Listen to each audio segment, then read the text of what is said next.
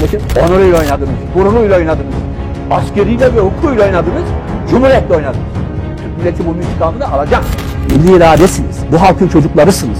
Kimseyi eleştirmekten korkmayın. Kimseyi!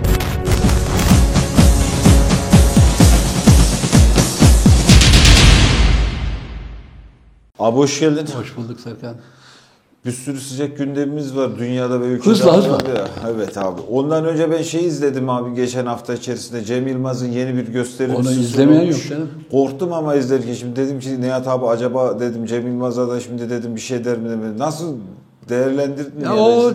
tabii o şeye karşı böyle aşağılık komplekslere karşı e, karşı olan aşağılık kompleksi olan e, zengin sosyete, elit kesme yaptığı eleştiriler birinci sınıf. Yani belki de hani çok göremediğimiz için çok oraları çok tuttuk falan diye. O güzel bir dil, hoşuma gitti yani. Genel bir değerlendirme insan ister istemez de yapmak istiyor ama geçelim. Yani E, bir şey var. E, Türkiye'deki o üst sınıfa karşı işte Ali Koç, Acun bilmem neye karşı o ince yaptığı eleştiriler ben çok hoşuma gitti. Değerli de buldum. o Türk'ü aşağılayan, hani Türk olmaktan Türk'ü aşağılayan ya da Türk geleneklerini aşağılayanlara karşı da laflarını geçirdi yavaş yavaş ince ince. Onlar da güzeldi. Hoşuma gitti yani. Tabii bunu vesileyle bizim de düşünmemiz lazım. Yani şimdi gidiyorsun Masterchef programı nedir Masterchef programı ya da Survivor yarışması nedir? En zayıf eliyorsun. Yani gidiyoruz birbirimizi eliyoruz. Evet. Mahalleden 10 kişi gidiyoruz ve ondan sonra birbirimize laf atıyoruz. Ben seni geçmek istiyorum. Seninle husumet, kıskançlık, kavga, dövüş ya da seni aşağılıyorum ve seni hep üstüne çıkmaya çalışıyorum. Yani yarışmada neoliberal düzenin yarışması da bu yani. Bir saniye ya. Önce tepedeki Acun'u eleyelim ya. Acun'u elemeye yok. Yukarıdaki Ali Koç'u, oligarkları, yani yukarıdakiler ele yani. Niye biz birbirimizle kavga ediyoruz? E, liberal düzen bu işte. Milliyetler arası, ırklar arası, mezhepler arası, sınıflar arası, mahalleler arası, hemşireler arası, dinler arası her türlü husumet buluyor ve husumet de bizi birbirine kırdırıyor. Biz birbirimize kavga ediyoruz. Bunun da siyaset oluyor. Biz niye ben e, Diyarbakır biriyle kavga edeyim? Ben niye Hakkari'yle biriyle kavga edeyim? Bunlar benim öz kardeşlerim. Hepimiz bir olup yukarıdaki bizi sömürenlere karşı, bizi kullananlara karşı, hatta bizim husumet ve insani kıskançlıklarımızı ya da insani şeylerimizi, tepkilerimizi siyasi kavga yapıp bizi savaştıranlara karşı, birbirimize kırdıranlara karşı mücadele edeceğiz. Onların keyfi yerinde. Ama biz birbirimize laf atıyoruz. Husumet, kavga, e, değil mi birbirimiz arasında. Oysa toplumların tek bir husumeti vardır. Ahlaksızlara karşıdır. Değil mi? Soygunculara karşıdır. Kendini sömürenlere karşıdır. Tabii bütün bunlar ben bana e, aklıma gelen benim yap yani e, benim şeyim bu. E, bu yüzden mizahçı da geldiği zaman dilini kime çevirecek? Yani sana, bana, o mezhebe, o dine, o eğitim yapıyor, o mahalleye değil. Daha çok o yukarıda seni sömüren, hatta seni aşağılayan ya da ülkenin kaymağını yiyenlere karşı bir dili olacak. Galiba o yüzden sen sevdin, ben de o yüzden sevdim yani. Birbirimize usulü evet. çıkartalım, birbirimize kavga edelim ama Acun parayı hep yesin. Lan bir kere de Acun'u eleyelim. Asıl elememiz gereken Acun. Bir de bu nitelikli ve zeki insanların bir zaman sonra vicdan hesaplaşmasıyla toplum vicdanını yansıtma rolünü oynadığını düşünüyorum. Cem Yılmaz normalde çok daha büyük güldürüyü yapabilir. İnsanlar inanılmaz güldürebilir, coştu. Ama kendi doğrularını koyarak iyi bir iş yaptığını düşünüyorum. Ben kutluyorum. Ya şimdi e, bazı şeyleri hesaplaşmamız lazım ve e, yıllardır söylediğimiz ve kişiliğimizi üzerine kurduğumuz e, davayı fikirleri de anlatmam. Bir vesileyle bir, iki cümle anlatmamız lazım. O da sizin Şimdi cenahtan yetişti haksız, biliyor musun? şimdi haksız, haksız bir ekonomi dünyasında yaşıyoruz. Yani öyle bir dünyada yaşıyoruz ki diyelim ki şirketler, şirketler iflas etme hakları var. Gidiyor bankaya diyor ki ben iflas ettim. E, o kadar alacaktı ne oldu? Kaldı zank gibi kapıda. Kim herkes de ona ne diyor? Diyelim ki falan şirket iflas ettiği zaman ya iflas etti diyor. Borçlarını ödeyemedi diyor. Hatta ona para şey de bu laf da var ekonomi karşılığı. Nakit sıkıntısı çekiyor diyor. Evet. E, ben şimdi beni düşün. E, sıradan ben şirket değilim. Ben borçları ödeyemediğim zaman ne oluyor? Hırsız, alçak, borcunu ödemedi, pis, beni aralarında Namussuz, almazlar. üç Şimdi o iflas edince, o borçlarını ödemeyince yine iş adamı olarak hayatına devam ediyor. Ben iflas edince alçak, namussuz, hırsız oluyorum. Ben paramı ödeyemediğim zaman. O iflas ettiği zaman nakit sıkıntısı oluyor. Ben paramı ödeyemediğim zaman e, dinsiz, kitapsız, ahlaksız, kağıtçı. Lan yüzüne bakmayın, mahallede almayın, telefonda etmeyin oluyorum. Şimdi burada bir e, bu bunu gördüğünüz zaman yani bu ne- neoliberal dünyanın bu eşitsizliğini o iflas ediyor. O namuslu adam hale devam ediyor. Ben beş kuruş borcumu ödeyemedim diyelim pastaneye çay paramı ödeyemedim. Ben hırsız oluyorum ya da üçkağıt. Ha bu bunu herkes düşünsün. Demek ki bu ekonomik dengesizlikleri ciddiye almazsak bizi ahlakımız gider. Bir toplumun dini ve ahlakı gider. Dini ve ahlakı gidiyor. Yani ben nakit sıkıntısı çekiyorum diye diyelim arkadaşıma parayı ödeyemem. E sen ödeyemedin. Evet. Sen nakit sıkıntısı genç adamın yoluna devam et. Hatta yarın gel vekil de ol. Hatta televizyonlar kur, bize ahlak sat. E ben ödeyemedim, ben şey alçak namussuz hırsızım. İşte bütün bunları iyi düşüneceğiz. Çok iyi bir Çünkü çünkü bunu görmediğimiz zaman e, yani parası olan bir insan ya da parası olmayan bir insan bu ekonomik dengesizlikleri ve bizlerin üstüne nasıl iz bıraktığını görmediği zaman dinin, vicdanın ve ahlakın elimizden çıktığını görürüz. Böyle ayrımcı bir dünya olmaz. Şuraya bak. Yani hatta öyle bir yere geldik ki e, iktidarı elinde tutanlar yolsuzluğu bile hoş gören, yolsuzluğa bile fetva veren bir yere doğru gidiyorlar. Devlettir, saldırı altındadır. Zor gündeyiz. Devletin âli şey menfaatleri mecburdur, yaptılar, zorunluluk halleri vardır gibi bir sürü de fetva çıkartıyorlar. Hırsızlık, yolsuzluk ya da üçkağıtlara ka- kadar. Buralara kadar da gider. E, ama benim basit borçlarım, benim sıkıntım ben bağırdığım zaman deli oluyorum. Ben borcumu ödeyemedim, sıkıştığım zaman katil, hırsız neyse o oluyorum. Bütün bunlara dikkat edeceğiz yani. Bunlar hayatın önemli bir... Hangi fikrin üzerine oturdun çok önemli bir şeydir.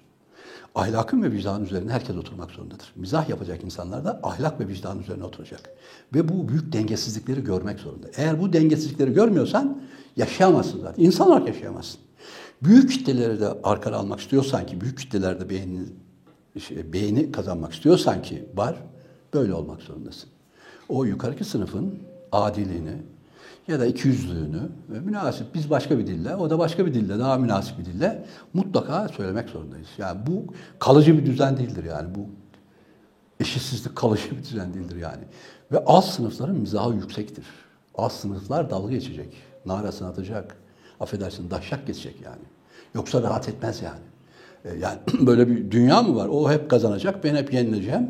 Ben ödeyemeyeceğim, hırsız o ödeyemeyecek. Yok iflas etti, nakit sıkıntısı. Bankalar da yardımına koşacak. Hatta yasa çıkartılacak. Bankalar onu kurtarsın diye. Dünyanın en büyük ekonomik krizi 2008'de Amerika'da halkı kurtaran yok. Gitti Amerika büyük şirketlerini kurtardı. E Türkiye'de benzeri. Parası olanları kurtarıyor, doları kurtarıyor. Şirketleri kurtarıyorlar, halkı kurtaran yok. E burada mizahçı ne tarafta duracak? Bu tarafta duracak. Devam edelim, hızla girelim. Kapitalizmin yani bireye ilişkin ahlak değerlendirmesiyle şirket değerlendirmesi bambaşka. Çok Tabii, iyi tabii. bir noktaya Tabii, değindin tabii, abi. tabii. Ben e, Cem Yılmaz'ın işte şey değerlendirmesinde de senin Türk milleti tanımını gördüm. Nasrettin Hoca da dedi Türk milletinden geliyor. Nasrettin Hoca'nın o dedi tiye aldı dedi. Üçkağıtçı, hırsızı da dedi Türk mi?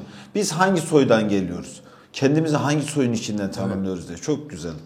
Abi şimdi son günlerde inanılmaz işler güçler. Bu Kazakistan'la oturuyoruz, Kazakistan'la kalkıyoruz. Kazakistan'daki durum nedir? Ondan önce Oradan mı şey- yoksa önce Türkiye'den başlayıp bu Özgür Özel'le başlayan Şimdi bir bizim- tartışma var. Serkan bizim şimdi CHP'yi eleştirilmez bu ayrı ama Özgür Özel orada söylediği şeylerin üstüne yani karşı değiliz yani. Burada çok tuhaf bir durum var yani. Evet Tayyip Erdoğan böyle kursları. bağırdı çağırdı ama bu kabul edilir bir şey değildir. Ben zaten Saraya kılınan namazlar kitabımı buraya yazdım. Şu cümleye yazdım yani. Tarikat çocukları Diyanet'in izniyle biri bir, bir buçuk milyona gelmiş Sübyan mektepleri. Nedir bu? Bunun yasası da yok. Şimdi burada 4-6 yaşında. Şimdi biz Kur'an kurslarından yanayız. Biz din eğitiminden yanayız, din öğretiminden yanayız. Ve bunu mutlaka öğreteceğiz. Ama bunun makul bir yaşı vardır. İlkokul yaşı vardır, 10-12 yaşı vardır. İlkokul 5'ten gider, ortaokul yaşı vardır falan. 4-6 yaş, yaş arası söz konusu olan burada Kur'an eğitiminde. Bir de tarikatların çocukları. Tarikatlar kendi okul kuruyor. E, Buralara karşı Özgür Özel eğer buraları ima ettiyse ve bunlar çok doğru şeylerdir. Buradan geri de adım atamaz bir toplum. Yaşayamaz zaten. E, 4-6 yaşındaki çocuğa tabii ki dinimizi öğreneceğiz. Hepimiz duamızı öğreneceğiz, elif bayı öğreneceğiz. Bir şey yapacağız yani. Bu ayrı bir şey. Bu, bu bir milletin de görevidir. Devletin de görevi. Bu başka. Tarikatların 4-6 yaşındaki Sübyan mekteplerinde çocukları şey yapması bu başka bir şey. Bu pedagojiyle de alakalı bir şeydir. Ve siz çaktırmadan da tarikatların o Sübyan mekteplerinde meşru kılmaya çalışıyorsunuz. Bu da başka bir şeydir. Tayyip Bey istediği kadar bağırsın, nahrasını alsın yanlıştır. Biz iddiamızda ihtiş yapacağız. Bu Kur'an mektepleri, Kur'an kursları yaşına uygun bir şekilde tabii ki verilecek. 4-6 yaş ne ya? Ya 4 yaşındaki çocuğa Kur'an şey yapmak ne? Bu ucube şeyler, gullebani şey. Zaten kendi iktidarına baksın. E, Kendi o 4 yaşında, 5 yaşında değil mi? Hani iddiasında bulunan adamlar işte 600 ton altın var onu da alın, satın, verin. Bu kadar yolsuzluk. O şey e, şey çekenler hepsi yani buradan geliyor bu yolsuzluk, hırsızlık, bu sanma. Ya dini şey yaptınız ya. Dine karşı insanların şeyini saygısını bozdunuz ya. Ben şey, Orta Doğu'yu gezdiğinizde de göreceksiniz. Özellikle Şia'da böyle bir dine yapışma var. Böyle şeyden türbeden ayrılmazlar. Böyle yapışmışlar. Orada yatar orada kalkarlar. Ya dedim yani bir saygı duyun yani şöyle bir camiye karşı bir saygınız olsun yani. Gördüğünüzde saygı durun, içine girdiğinizde saygı durun yani bir o saygı şey böyle yapışmak. Yapıştıkça da pislik, hırsızlık, iğrençlik, bozukluklar geliyor ortaya. Yani dini kullanma, Allah aşağı her laflarıyla ve bunu alet ediyorsunuz. E, bu çocukların bir öğrenme yaşı vardır. Bu öğrenme yaşı neyse o yaşta ta Cumhuriyet Kurulu'ndan beri bunları getirirsin, öğretirsin ki biz öğretilme yalnız. Ben her çocuğun duasını bilmem neyini, din eğitimini öğrenmesi taraftarıyım. Ama ne 4-6 yaş. O yüzden yani Özgür Özel öyle çullandılar ama biz de CHP'ye karşı eleştiriler var ama bu ayrı bir şey yani. Burada Özgür Özel tabii ki 4-6 yaş arasında tarikatların gelip e, Sübyan Mektebi kurması orta çağdır. Evet. Yargılamak mı istiyorsun? Buyurun. İddia ediyorum. Aynen söylüyorum. Ne bu ya? Böyle şeyler vurma, kavga, dövüş, baskı bilmem neyle bir yasal hakkını senin elinden alıyorlar. Bir de insanlık, bilim denen şeyin tersini yapıyorlar. Bir de Müslüman ve Ya gayrimüslim ya. gibi Ya cepileştirmenin yeter be. yolunu 4 açıyorlar yaşındaki ha. çocuğu da sömürmeyin ya. 5 yaşındaki çocuğu sömürmeyin ya. Çiçek ya. Çiçek ya. Papatya çiçeği gibi çiçek ya. Bunu ne zaman sunacağım bellidir. Bunu ne zaman saksıya koyacağım bellidir. Bu çocukların dünya güzeli olabilmesi için, kültürlerini, dinlerini öğrenebilmeleri için belli bir yaş vardır. Belli yasal çerçeve içerisinde.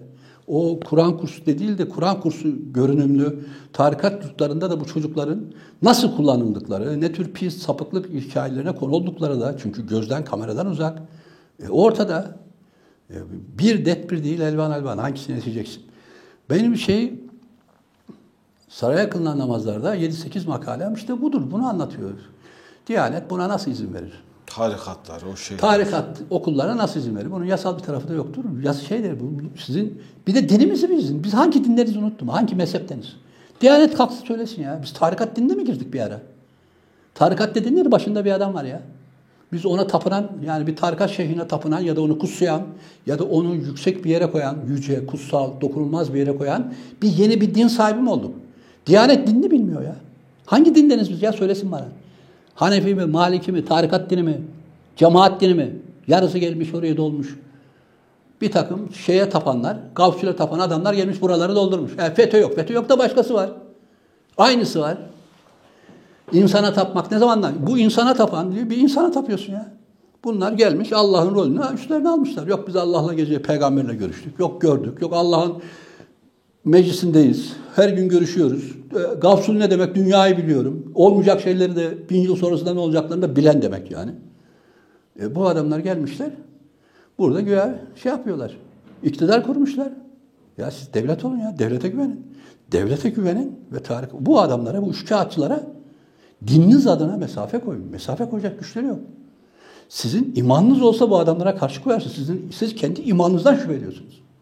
İmanından şüphe eden adam gider bu tarikat gibi aracılara güvenir. Nedir bunlar ya? Modern çağın obsesif, konsültif, şizofreni, depresif bozuklukları da bahane etmiş. Bunlar üzerinde de sömürü inşa etmiş yerler, adamlar bunlar ya. Ve çocuklar, sağlıklı çocukların da tabii ki böyle konsültif, obsesif bozuklukları falan yok yani. Ama bunların içinde durdukça da her türlü depresif bozukluk da oluyor yani. Dünyaya mutsuz bakmak, birilerine kafir, herkesi düşman görmek gibi falan gibi. Başında bir adamın olduğu yerler. Niye bir adam olsun? Başında devlet olacak ya. Devlet olacak. Devletinize güvenin. İktidar olun. Bak bunlar devletlerine güvenip tarikatlara mesafe koyamıyorlar. Bu adam imanlarına güvenmiyorlar. Ne demek? Ben Allah'a güveniyorum, imanıma güveniyorum. E, güvenemiyor ki gidiyor adamın dizi dibine. İsmail ağası yok tarikatı menzili ortalığı gırla götürüyor. Bunlarla el altından holdingler, paralar, sömürü, 4 yaşındaki çocukları bile sömürü, Kur'an sömürüsü, Allah sömürüsü. Bu da din olmuş. Diyanet bize Türk milletine desin ki Türkiye Cumhuriyeti Devleti'nin paralarını, maaşının, vergilerini alan Diyanet desin ki sizin dininiz şudur biz de bilelim. Hangi dinleriniz bilelim ya. Dinimizde bir insanı Allah'lı, Müslüman ya da işte Allahsızlar diye ayırma vekaleti verdik herhangi bir kimse var mı abi? Ya da bunlar ısrarla niye bir kitlenin bir kısmını Allahsız, kitapsız diye bir suçlama seç- diline girmeye çalışıyorlar? seçime yaklaştıkça e, kutuplaştırmayı seviyorlar. Seçime yaklaştıkça Gerginlik. ko- konsolide etmeye çalışıyorlar. İşte bu 4 yaşındaki çocukların beyninden tut, işte o e, mütedeyin dediğimiz ya da sıradan insanların Müslümanlık anlayışlarıyla işte kafir, düşman, o bilmem ne diyerek kutuplaşarak kendi Hemen vicdanı kazanı. Evet, hep aynı yerden Evet. gidiyorlar. Bu şeydir. 4 ve 5 yaşındaki çocukları beynini bozan, beyniyle oynayan ve sömüren bu insanların Müslüman olduğuna ben inanmıyorum. Bunlar Allah'ı kullanarak, Kur'an'ı kullanarak. Bir Allah'ımızla aramıza bir girmeseler olmaz biliyor musun abi? Bir, bir, bir, bir Yani bırakın ya. Geleceksin sen düzenleyicisisin. Nedir? Düzenlemek nedir sen? Ya genel insanların genel fetvaları, Allah anlayışları, din anlayışları, şöyle namaz kılınacak, böyle şu da olacak, ibadet şu, mevlüt şu, mezar şu, şey bu, bunları düzenleyeceksin. Geldiniz bu- buraya geldiniz, 4 yaşına kadar indiniz. Yeter be. 80 yaşınızdaki de kafayı yemiş, 4 yaşınızdakini de şimdiden bozmaya çalışıyor. Bunlar bizim çiçeklerimiz. Bir toplum 4 yaşındaki çocuklar geleceğidir ya. E Biz bu çocukları düşünmek zorundayız. Bu çocuklar çok sağlıklı, kendine güvenen insanlar olsun. 4 yaşındaki çocuğun bile beynini bozarak ya da onunla oynayarak ya da onu sömürerek yok dinini öğrensin. Tabii ki öğrensin de. Onun yaşı var, saati var be. Her saati öğrensin yani. Ya bu çok saçma. O kadar ka- saçma iddialar var ki bu iddialara laf yetiştirmek de Evet. Bak yani hangisini yetişeceğini Bir de bir cümlede bir mesela bir cümle öyle gitsen işte mesela en çok kullandıkları bir şey vardı. İşte eski atalarınızın dilini bilmiyorsunuz, mezar taşlarını okuyamıyorsunuz. İşte Osmanlıca yattınız, Latin harflerini aldınız. Lan kardeşim Osmanlıca yatan Mustafa Kemal değil. Latin harflerini getiren de Mustafa Kemal değil. Osmanlı 150-200 yıl uğraştı. Arapçayı aldık, hareketleri, hareketlerini attık yani üst, üstün örtü var ya Ü harfi okunuyor, E harfi okunuyor. Bunları atınca Osmanlıca sadece aydınlar arasında konuşulan bir dil oldu ama çıkartılamıyor. Kimse bunu çözemiyor çoğu kelimeleri. Gül müdür, gel midir, kel midir? Yani ben şimdi Osmanlıca okuyorum okuyorum çıkartım yapıyorsun yani. Olarak, gelerek, giderek diye çıkartım yapıyorsun ama itiba, istiba, mümtüa dediği zaman ne ikisi ü ne i sadece ben değil. Bütün İslam şey Osmanlı alimleri de kafayı yediler. 18. yüzyıl ve 19. yüzyılda bunun tartışmaları gırla gitti. Yani kaldırmışlar. Osmanlıcayı bizimkiler bozmuş. Direkt Arapça alsaydık o kadar sorun yoktu. Ee, Osmanlıca gibi bir dil yaptık biz. O dilinde okumasında güçlükler var. Bununla baş edemediler. Hepsi girdi. Bütün aydınlarımıza devreye girdi. Namık Kemal'den tut bilmem kimine kadar. Herkes bu işin içindeydi. Çakamadılar bu işin altından.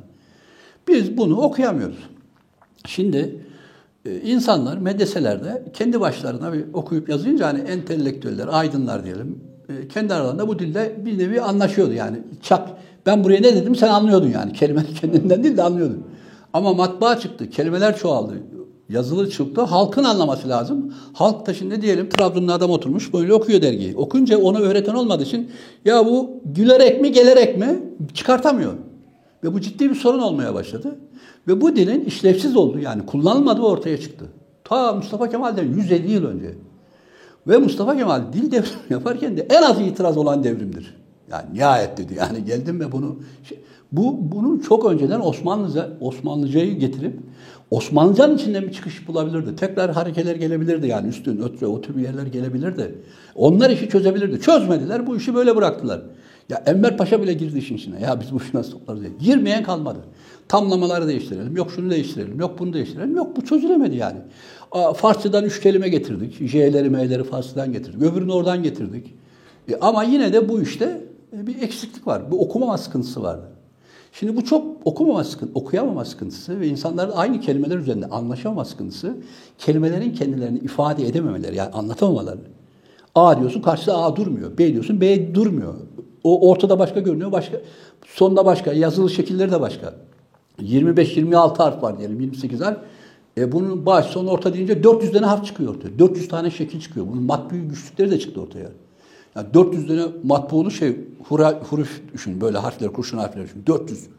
Bu zorunluluklar şey sıkıntılar da çıktı ortaya. Bu başın altından kalkılamadı. Yani Osmanlı bir de hangi eseri verdi? Bir de bunlar yani bu bir ciddi bir sıkıntıdır ve bu sıkıntı Osmanlı'nın sıkıntısıdır. Bunun bizde ne alakası var? Siz bu harf devrini yapmış gelin adamın elini öpün, ayağını öpün bizi kurtardınız. Nihayet kitap okuyabiliriz diye. Geç. Tamam burada Arapça öğrendin 8 asır. Arapça ile hangi kitabı yazdın? Bana Osmanlıca ve Arapça yazılmış bir tane ilim eseri göster. Biz atalarımızın kitaplarını okuyamıyoruz. Ne okuyamıyorsun? Hangi kitaplarda okuyamıyorsun? Bir insan 6 asırda iki tane kitap yazmaz mı? Üç tane kitap yazmaz mı? Dört tane kitap yazmaz mı? Bakın bugün bir yılda hani matbuat hızlı tabii mukayese edilmez şüphesiz. Ama bir yılda 10 bin 20 bin kitap çıkıyor. Hani 3 tane 4 tane çok ciddi kitap çıkıyor diyelim. E, hangi kitabı yazmışsın? 100 yıl geçmiş, 200 yıl geçmiş, 300 yıl geçmiş.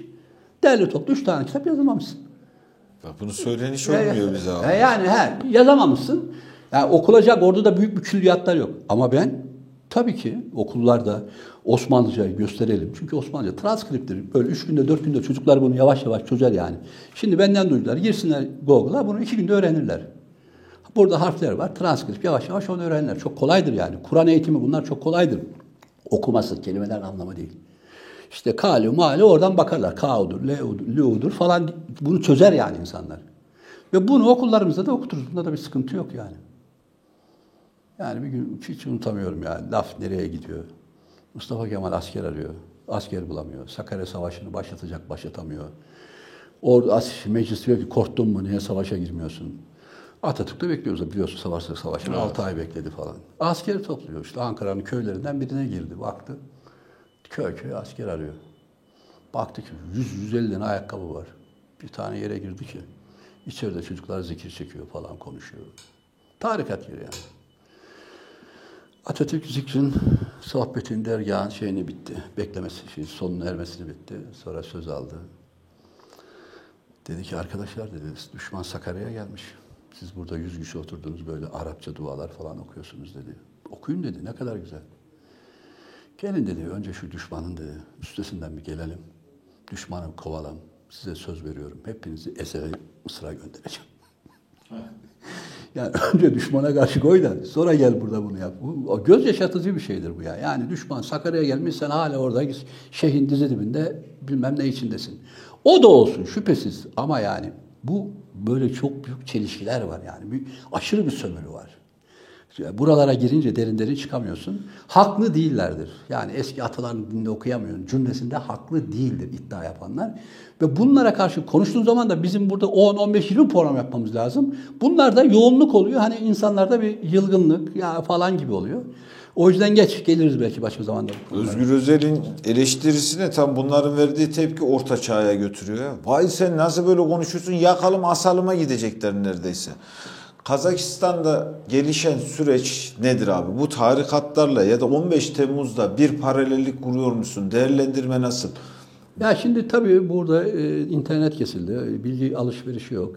Herkes e, ne olduğunu anlayamıyor yani. E, çok şeydi, gizemli de bir şey oldu. Bilgi anlamaması da çok tuhaf bir şey. E, fakat sonra yavaş yavaş bilgiler aldık ya da almaya çalışıyoruz. Hala da tam net bilgimiz falan yok. Ama burada tuhaf bir şey var. Yani bu e, turuncu devrimlerin yani Ukrayna, Gürcistan'da e, bizde ya da yarattığı Baharlar, bir- baharlar diye bir, bir şey, baharap baharlarının bizde yarattığı çok olumsuz bir tepki var. Ve bizim bir takım insani haklarımızı, yasal haklarımızı da nötralize ediyor yani. Yani bir, diyelim ki ben Sarıyer'dekilerin destekçisiyim yani Fransa'da. O adamlar kalktılar hiç Allah din kitap tanımadan aristokrasiye, burjuvaya karşı sokaklara altın üstüne gettiler ve haklılar adamlar yani. Bu liberal düzene karşı savaşıyorlar. Yok sol sendikadan gelmiyorlar, yok sol kültürden gelmiyor. Yani nereden gelmiyorsa gelmiyorsun. Bana ne yani? Bu adam yukarıya karşı aç, kendi yoksulluklarını dayanamayarak isyan etti etti, bitti. Benim için önemli olan odur. Şimdi önce Kazakistan'a da böyle bakmak lazım. Yani burada bir kere hani bir tamam orada bir takım şey konuşuruz, ederiz, söyleriz ama belki de orada masum bir isyan vardır yani. Belki de çok büyük bir haksızlıklar vardır. Yani şimdi e, biz rahatsız olmuyor muyuz? O şey çeken ne diyorlar? Arabada yakalanan çocuk şeyi çekiyor da pudra şekeri çeken. Ya da çok Süslüman denen kızlar fotoğraf Evet. çektiriyor. Zengin, lüks, şatafat içerisinde millet açken. E şimdi buradaki zenginlerin çoğu o oligarklar. Yani 20 milyonluk ülke. Türkiye'nin nüfusunun 3 katı büyüklüğünde bir ülke. Şey, şeyinin e, coğrafi büyüklüğü 3 katı. 2,5 milyon kilometre. Ve 20 milyon insan. Yani 20 milyon insan da doyuramıyorsun. Dünyanın 4. 5. 6. petrol ülkesisin. Ve senin yetiştirdiğin oligarklar, zenginlerin, çocuklar İsviçre'de, Marsilya'da, İngiltere'de, lüks villalarda, yatlarda resimleri gönderiyorlar. E sen de o limanda işçisin ya da yoksulsun. Ya da o zamlarla muhatap oluyorsun. E senin evrin dönmez mi? Benim döner. Belki de orada haklı bir işçi isyanı var. Diyeceksin ki abi orada sendikalar, sosyal hareket, sosyalizm falan da yok. Olsun ne olursa olsun yani bu kafalarına dank etmiş olabilir. Şimdi biz önce niye buradan bakmıyoruz? Bu arada masum bir harekettir diye bakmıyoruz. İşte turuncu devrimler bize işte Sorosların devreye girmesi, batı, fonlar, besleme, dışarıdan şeyler bizim doğal haklarımızı, yasal haklarımızı savunmada bile bizi nötralize etti. Neoliberalizm işte böyle de bir şey yani. Ne demek ya? Yani şu anda biz sokağa bile çıkmaya korkuyoruz. Yasal haklarımızı kullanmaya korkuyoruz. Ne demek ya? Biz yasal hakkımızı kullanacağız. Diyelim ben yarın yasal hakkım için sokağa çıktım. Bana da güvendi 10 kişi sokağa çıktı. Ertesi gün bana da her türlü iftirayı atacaklar. Bunun arkasında Çin mi var, Amerika mı var, Rusya mı var? Kesin. Kim ne yaptı falan. Şimdi bir kere önce şunu koyalım. Şunu demek istiyorum. Bir kere masumiyetimizin gittiğini anlayalım. Burada masumiyetimiz gitmiş. İnsanların sevmediği insanlara karşı yolsuz, köhne, e, zalim iktidarlara karşı tavırlar olur. Ve bu çok normaldir. E, böyle bir şeyi de beklemek zorundayız. Ama hangi gazeteyi, hangi dergiyi nereye açarsanız böyle bir şey göremedik. Şimdi bu bir kenara koyalım yani bu falan. Ama şimdi bir de turuncu devrimler var. Şimdi turuncu devrimlerin Türkiye'de de çok yanlış anlaşılması var. Ya dersimiz çok uzun of. Bizi dinleyenlerin yani bunları çok iyi çalışmalar lazım. Şimdi biz turuncu devrimleri biz eleştiriyor olabiliriz. Çünkü turuncu devrimler Avrupa, Soros, fon, yabancı güçlerin de şeyiyle bu ülkelerdeki işte halkları, insanları parçalamak, bölmek, nifak sormak falan yani. Bunlar evet doğru. Ama bir Ukraynalı için turuncu devrim bizim anladığımız turuncu devrim değil. Şimdi Ukrayna'da 2014'te meydanlarda oldukları zaman, meydan dedikleri onlar Türkçeden geliyor galiba, meydan dedikleri meydana dolduğunda Rus yanlısı baş, Yatuşka mı, Yantuşka mı ne işte başka başbakan var. Polisiyle dağıtmaya çalıştı. Bunlar da 4 ay, 5 ay, 6 ay direndi. Kanlı saçlar. Yüzlerce insan da öldü. 2000 bin kişi yaralandı. Dünya ayağa kalktı yani. Şimdi fakat o meydanda Ukrayna'nın vatanseverleri vardı. Fakat vatanseverler diyor ki biz Avrupa kültürüne aitiz diyor. Biz kendimizi Avrupa'ya ait hissediyoruz. Yani biz şimdi Türkiye'de bir insan kendini ben Avrupa'ya ait hissediyorum nasıl der? Değil mi yani? Demesi biraz zordur. Yani. E, fikir olarak söyler ama yani aitiz, toprağız, köküz. Bizim kökümüz çok başka yani. E bir de haç vardı. Yani Ukrayna'da o meydandaki 5, 6, 7 ay boyunca direniş boyunca kilisede Ortodoks kilisesi var haç. Haç oradaydı. O cep şey var ya polis atıyor da bunlar kalkanlar arkasında evet. orada haç vardı. Haç haç. Yani dinleri oradaydı. Kahramanları, vatansever tarihleri oradaydı. Bizim buradan algıladığımız gibi değildi yani. Ve orada bunlar direndiler. Bir de Rusların, bunların yani Ukrayna milliyetçiliğin tarihi çok yüksek değildir. Ancak Stalin 2. Dünya Savaşı'nda 5 milyon, 7 milyon, 10 milyon yoklukla, yokluk, işte yanlış tarım politikalarıyla açlıktan öldürdüğü için Ruslara karşı büyük bir kinlenme var orada. Ve bu hortladı orada. Hortlayınca biz bunlarla beraber yaşamak istemiyoruz, ayrılmak istiyoruz dedi. Tabii bunun sonunda başbakanı attılar. Yeni hükümet kuruldu. Başbakan Rusya'ya kaçtı. Bakın enteresan. Ruslar kendi başbakanlarını çektiler.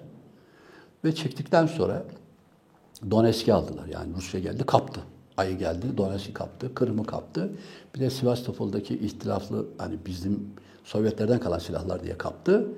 Ve ağırlığını koydu yani. En şeyde Kırım'ı aldı yani. Ve işte tanımadı yani. Madem öyle böyle dedi. E buradan sonra Gürcistan'da da benzer olaylar oldu. Rusya geldi hiç acımadı. Rusya'nın bir tarafı Etopya şeyle kaptı arkadan yani. Adamı da şey yaptı. Çok feci bir şeyle. E Rusya bu konuda affetmiyor yani. Turuncu devrimlere karşı sert çıkışlar yaptı. Ama bir şey meydana geldi. Çevrildiğini gördü. E nedir? Romanya, Rus, şey, Bulgaristan, Polonya bilmem ne derken Rusya NATO tarafından çevrildiğini gördü. Bugünlerde dünyada en çok konuşulan konu bu Rusya'yla.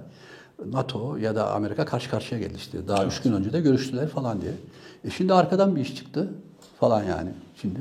Tam Avrupa ile uğraşırken arkadan şimdi Kazakistan diye bir sorun çıktı. Yani niye buradan böyle bir sorun çıktı? Çok, çok tuhaf yani. Bayağı tuhaf bir şey. Şimdi benim gördüğüm bu Sovyetler çökerken bir takım çökmeler yani o günkü deprem diyelim buna. Bu depremde bir takım halk ayaklanmalarıyla oldu. Bulgar, Çavuşescu'ya karşı Romanya falan halk ayaklandı. Bir takım yerlerde de Ukrayna gibi, Kazakistan yerlerinde de uzlaştırıcı, işbirlikçi, Sovyetlerle de sonuçta dengeci politikacılar geldi. Fakat halk ayaklanmalarıyla gelen Bulgaristan, Romanya rahat etti. Hemen tavrını aldı. Gideceği yere gitti Avrupa Birliği'ne diyelim. Ama diğerlerinde tartışma devam etti. Artçı devrimleri biri 2014'te yaşadı, şimdi biri şimdi yaşıyor diyelim. Yani artçı devrimler çok sonra. Çünkü dengeci politikalar geldi. İşte Ukrayna'da dengeci, hem Rusya ile geçinelim, hem Avrupa ile geçinelim diyen. Şimdi Su- Nazarev öyle diyelim. Hani dengeci. Bunların artçıları yani Sovyet çökmesinin artçıları devam ediyor da diyebiliriz. E burada şimdi çok da başka şeyler var. Tabii yani e, ilk gün gelen, söylenen Rusya bu oyunu oynadı. Yani işçileri burada fişfişledi, ayaklandırdı ki buraya müdahale edeyim diye. E şimdi niye kendi arkasında büyük bir sorun çıkarsın? Zaten Avrupa'da nükleer savaşa kadar iş gelmiş durum. Burada böyle bir şey çıkarsın. Rusya böyle bir kumpas yapsın. Ondan sonra hani bahane oluştursun orayı işgal etmek için. Bunların hepsi tartışılır. Fakat e, kumpastan da çıkmamız lazım. Yani e, yani hep şeyle kumpas, kolpa gibi görüyoruz şeyler ama bunlar hep siyaset teorisinin içindedir. Ne olabilir sorusu. Şimdi modern toplumda dikkat et artık çok çok her şeyi düşünebiliyoruz. Yani burada 5 bin 10 bin tane Kazak öğrenci Türkiye'deydi. Biri bana derse ki ya bunlar Türkiye'de eğitim gördü. Ve bizim orada FETÖ'cü yapılar vardı. E biri gelip bana derse ki bugün FETÖ'yü bırak. E bugün Türk devleti kalktı. Hani iddiaçılar gibi iddiaçılar Halit Paşa İran'a devrim yapmaya gitmişti. Ya bizimkiler de gitti orada bir bir takım bir şeyleri örgütledi, Sadat, Madat falan. E buna da yani inanan çıkabilir yani. Ya çok tuhaf. E orada FETÖ'cü var. O Mehmet Perinçek'in yazısını niye kimse ciddiye almadı? Bir, iki yıl önce çok da ciddi yazı yazdı. Orada yabancı fonların, Sorosvari fonların orayı nasıl beslediği falan küçük grupları çok iyi net de anlatıyor. E oradaki şeylerin, fon, e, fonlanmış küçük grupların, yani düşün sosyalist sendika diye bir yapı bile yok ama feminist ve insan hakları gibi bir sürü grup var. Bu fonlanan falan gibi. Belki bunlardır. Bunların fişfişlileri, gaz verdiler. E, bir insan nevri döndü, sinirlendi, sokağa düştü. E, sokağa düşer düşmez ikinci gün bu silahları nereden buluyorsun? 20 şehirde birden nereden ayaklanıyorsun? Ve interneti kesiyorsun. Bir de o, o tarafı var. Bu bize de mesela Türkiye'de olabilecekler konusunda büyük dersler de veriyor. Türk devlet topluluklarıyla bir ilgisi var Abi, mı? var, abi her şey olabilir şimdi. Burada yüzlerce teorim içine girebilirsin. Hepsinin mesela işte Türk Baharı lafları var. Orada başladı. Sonra İran'da başlayabilir. Zaten İran'da ip çekilmeyi bekleniyor yani. Urmi'de bir ara oldu. E sonra Kazakistan, Gaza geldi millet, İran, Türkiye. Yani buralarda da bir şey olabilir. Yani bunları da teorik olarak artık bunlara kumpas diye bakmamamız lazım. Yani ciddi olsun olmasın bütün bunları düşünmek zorundayız. Ama benim en çok düşünmek istediğim ya burada internetin kesildiği zaman nasıl halkın değil mi? Zayıf İletişim. kaldı. İletişimin kesildiği zaman nasıl olaydan bile e, ne oldu? E, ama belki de kumpas o o ayaklanma yapanların kendi arasında belki de iletişim var. Belki orada FETÖ yapıları da var. Çünkü o uluslararası oraya fonlayanlar FETÖ'yle işbirliği vardır. Gizli kripto. Bunlar zaten her yerde belirsizdir, gizlidir, bilemezsin. E belki de orada başka şeyler de var. Yani burada Şu var mı şu abi? utanmıyor. Bak şu şundan sen e, utanmıyor muyuz? Modern bir çağ ne diyoruz? İletişim çağı diyoruz. İletişim çağı modern çağ. En sanayi toplumu, bilmem ne toplumu falan ama en çok kullandığımız kavram iletişim çağıdır. İletişim çağında dünyanın 6. büyük toprağına sahip bir ülke, petrolde de 5. 6. bir ülkeden haber alamıyorsun. Bu bence utanılacak bir şeydir. Burada büyük bir tuhaflık var. Bu ne demektir ya? Haber almak ne demektir? Burada bir tuhaflık var. O yüzden bu tuhaflık da ortaya çıkmış değil. Yani ne olduğunu kimsenin de bildiği yok, anladığı yok. E bu arada başka şeyler var. Turuncu devrinin bize öğrettiği şeyler var. Nedir? Arkadaşlar da öğrensin. Biz de Tayyip'e geliyor, faşist diktatör bilmem ne falan bunları riskler alarak söylemeye çalışıyoruz. Ama şimdi eğer bir, bir yerde insanlar sokağa çıkıp diktatör diyorsa onlar anlaşmış yani. Önce diktatör der. İkinci söyledikleri şey turuncu devrimcilerin barışçıl gösteri. İlk gün barışçı gösteri ya da karşı diktatör diyorsa bunun turuncu devrim olduğunu da anlayabilirsin yani. Biz de buralardan sürdük zaten. Kim diktatör dedi, kim barışçıl gösteri dedi falan gibi. E şimdi bir de daha ilk günde kalkıyorsun. Yani Atatürk gibi oldu demeyeyim ama yani çok büyük bir devlet büyükleri, kurucu devlet büyükleri. Sultan Nazarev, Nazarev. bu Türk dünyasında da çok kabul görmüş bir insan. Tabii çürümüş bir siyaseti kabul edelim. Eşitsiz, çürümüş, oligark yetiştirmiş, kendi etrafını zenginleştirmiş bir taraf. Ama bir taraftan da Türk dünyasına güç vermiş.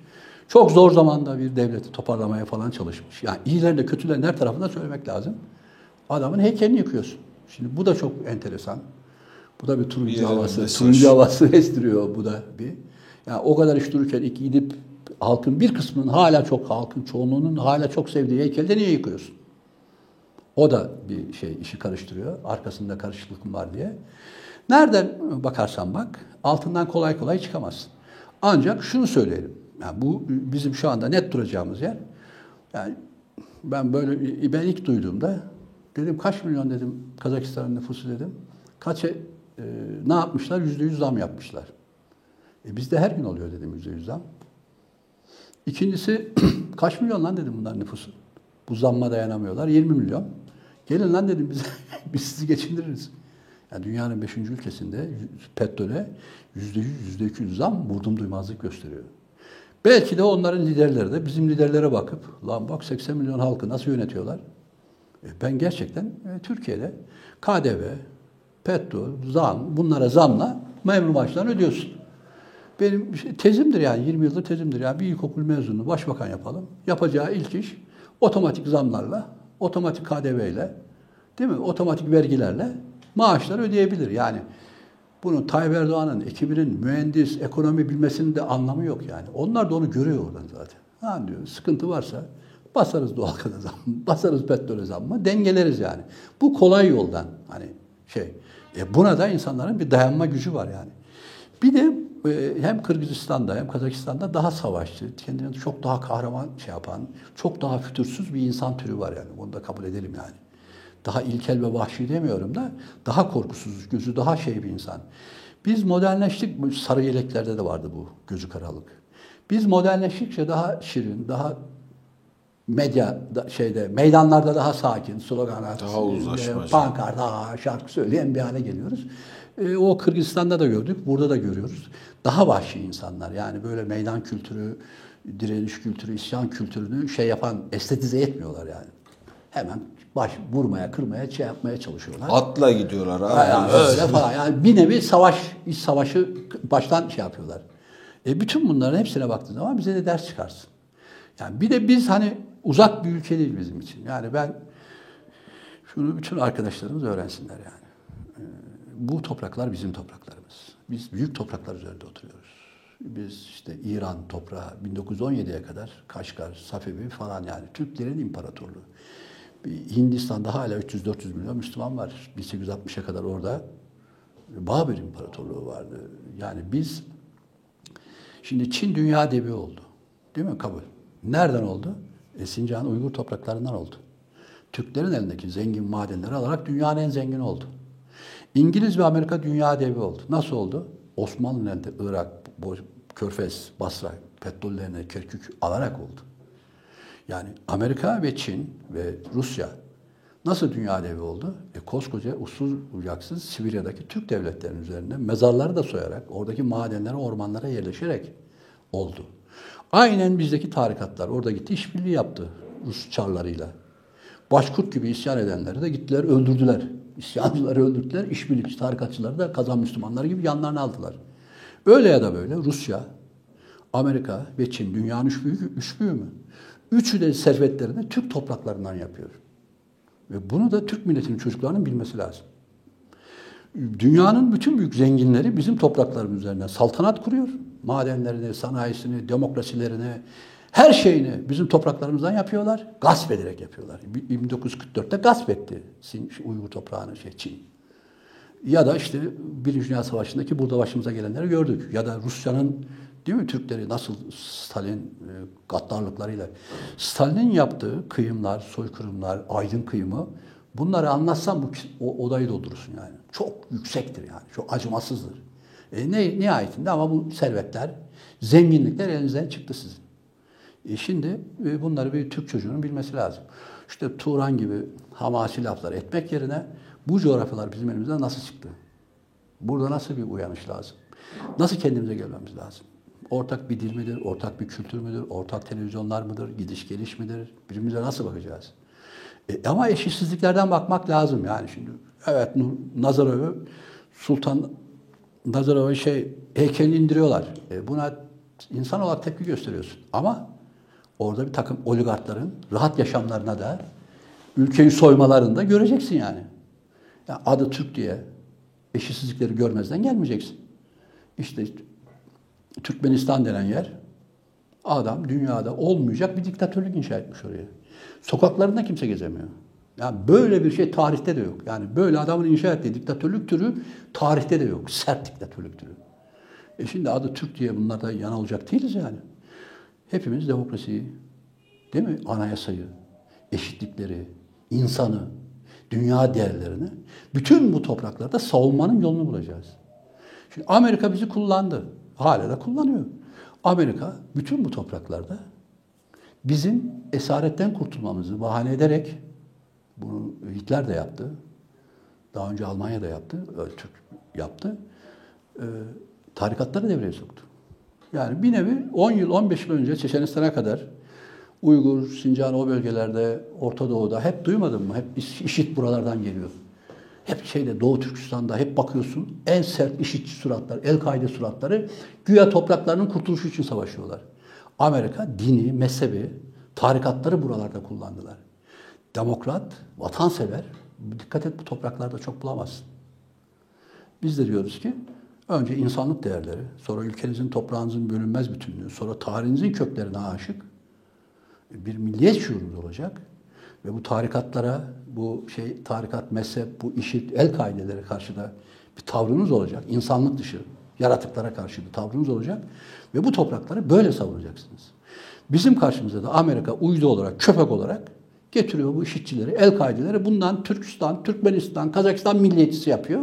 Ya vatanseveri de onlardan yapıyor. Bu da ayrı bir dert yani. Şimdi burada bu, bu şuur için bize büyük bir şuur lazım. Kazakistan e, bu insanlar bizi soydaşları, biz de onları soydaşlarımız görüyoruz. Bu toprakların servetleridir bunlar nihayetinde. Ama e, bakın hepimizi denge manyağı yaptılar. Yani bir Çin, Amerika, İngiltere, Osmanlı'yı, Çin, Sincan'ı, bunlar işte Sibirya topraklarını olduğu gibi sömürdüler değil mi? Bu bir gerçek. Hadi bunlardan Sovyetler sonrası kurtulduğumuzu düşünelim. 2-3 tane büyük akım çıktı. Bunlardan biri denge politikaları Azerbaycan'da. Bütün büyük dünyanın liberal şirketleri, İngiliz, Amerikan şirketleri gene burada. Gene demok şeyin sırf bunlarla iyi geçinelim diye biraz Rusya'ya, çok az Türkiye, yüzde bir gibi Türkiye, yüzde sıfır buçuk gibi. Ama İngiliz şirketlerine veriyorsun. Yani denge politikaları. Bunlar beni yok etmesin, mahvetmesin diye de yabancı şirketleri ülkene davet ediyorsun. Hani onlarla iyi geçinmeye çalışıyorsun. Ve sonra senin de onlar gibi oligark zenginlerin oluyor. Bu oligark zenginler güya şirket kuracak, güya İslam yaratacak falan. Onların hepsi de malikanelerinde batılarda yaşıyor. Toplumun geri kalanında yoksul, çaresiz ya da Türkmenistan'da olduğu gibi zulüm altında yaşıyor. Yani kafalarını kaldıramıyorlar. Özgürlük, ifade özgürlükleri yok. Konuşma, gitme, gelme, siyaset yapabilme falan bunlar yok. Bir tarafta bu denge siyasetleriyle insanlar. E diğer tarafta da e, nereden bakarsan bak işte Orta Doğu'da gördük. Her taraf e, Amerikan siyası, M16 şeysi, İngiliz istihbaratı, Alman istihbaratı, işit üzerine, El-Kaide üzerine bütün elemanlarını da bu topraklardan topluyor. Burada ne eksik? Burada aklı başında, aklı selim, topraklarının bütünlüğünü savunan, ülkesindeki her insanı kendiyle kardeş ve eşit kabul eden demokrat, saygın, vatansever kültürü yok. Ya delirmiş El-Kaide olacaksın Amerika'nın seni desteklemesi için ya da Amerikan şirketleriyle ortaklık kuran aşırı dengeci yani kendini gönüllü sömürten lider tiplerinden olacaksın. Üçüncü bir yol yok. Üçüncü bir yolu da bizler aşmalıyız. Evet biz de dengeler kuracağız. Yani kalkıp Rusya, Amerika'ya karşı kalkıp şeyler, dayılıklar yapamayız. Narlarda atamayız. Yani dünya gerçekleri ortada. Ama bu kadar ağır bir sömürüye de gelemeyiz. Bu kadar yırtık, işte ülkemizi savunacağız, dinimizi savunacağız diye bu şizofren, manyak yaratıkları, sapık, vahşi, kelle kesen yaratıkları da şey yapmayacağız yani içimize almayacağız. Ya da bunları belli bir anlayışın, dinin üründür demeyeceğiz yani. Bunları toplum ve insanlık dışı göreceğiz. E ne göründük? Bizim topraklarımızı savunacak bir, önce bir fikriyatımız yok. Şu anda yok yani. Hamas, işte o topraklar bizim soydaşlarımız bilmem ne gibi bunlar hep hamasi. Ama işin içine girip bu fikriyatı ya siyaset nasıl olacak, demokrasi nasıl olacak, zenginlikleri nasıl bölüşeceğiz, bu mezheplere, işite nasıl bakacağız, arkamıza Amerika'yı mı alacağız, almayacak mıyız, Sincar'da ne yapacağız, Türkmenistan'a karşı tavrımız nedir dediğinde ortada bir fikrimiz kalmıyor. Ne kalıyor? Sadece Amerikan istihbaratının yönettiği, İngiliz istihbaratının yönettiği El-Kaide gibi Türk yapılar ya da NATO Türkçü yapılar kalıyor. İyi Parti gibi. Yani düşün yani İyi Parti'yi destekleyen o damga Türkler Nazarev gibi hani bunlar Türkçe olduğunu söylemiyor muyuz? Nazarev'in heykelinin yıkıldığını göbek attılar. İyi Parti göbek atıyor Nazarev'in heykelinin yıkılmasını şey diye. İyi Parti'ye yakın şey. İçindeki çocuklar. Bu da Amerikan istihbaratının, NATO istihbaratının getirdiği şeyler. Şimdi NATO istihbaratına girmeden, Amerikan istihbaratının oyuncağı olmadan, onların ne El-Kaide ürünlerine, ne FETÖ ürünlerine, ne bu dengeci politikalar, halkına zulmeden, oligark yetiştiren dengeci politikalara girmeden bizi bir siyaset bekliyor.